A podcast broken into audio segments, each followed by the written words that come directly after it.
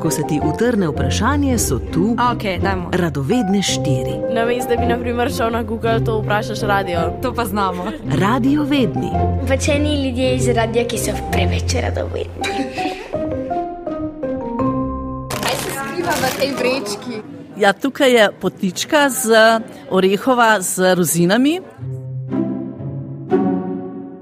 Ta teden sem se odpravila tja, kjer pridne roke izkušenih pekov in njihovih vajencev skozi vse leto oblikujejo različne pekovske izdelke.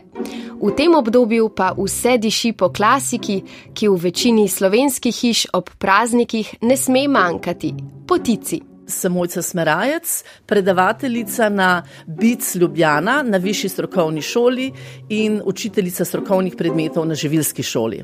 Dobrodošli. Evropska komisija je aprila lani odobrila zaščito slovenske potice kot tradicionalne slovenske jedi, pri postopku pa je sodelovala tudi moja današnja sogovornica.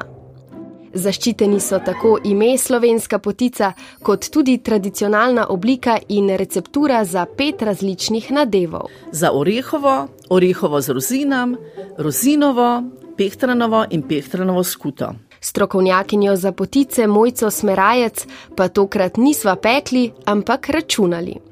Zanimalo naju je namreč, kaj vse se skriva v eni potici. Najno izhodišče je bil tradicionalni slovenski recept za orehovo potico iz enega kilograma pšenične moke. Za en kilogram bele pšenične moke rabimo približno en kilogram in pol pšenice. To je 35 tisoč pšeničnih zrn, ki jih pa lahko pridelamo na dveh do treh kvadratnih metrih njivskih površin. Če nadaljujemo z orehi, ne, nekako je nepisano pravilo, da za en kilogram moke, da je nadev dovolj bogat, uporabimo en kilogram orehovih zmetih jedrc. No in za ta kilogram rabimo dva in pol kilograma orehov z lupino. In eno orehovo drevo, takrat v polni rasti, približno deset let staro mora biti, da letno 50 kg orehov z lupino in za našo potico je potem uporabimo, se pravi, 5% od eh, pridelka tega orehovega drevesa. Naslednja stvar je mleko. Mleko uporabimo pri eh, testu in pri nadevu. In tudi, tudi nekaj uh, masla, ki ga dobimo iz mleka. Se pravi, za to ptico rabimo liter in pol mleka. In vemo, da ena moznica, tako povprečna, uh, dnevno da 30 litrov mleka. Se pravi, tudi tukaj je 5% količine uh, njene proizvodnje, dnevne. Jajca so naslednja stvar. Uh, zdaj, količina je 6 kosov. Ta količina šest kosov je ravno toliko, kot jih znese ena uh, kokošnesnica v enem tednu. Porabili bomo tudi pol kilograma sladkorja in za to količino sladkorja porabimo 3,5 kg sladkorne pese.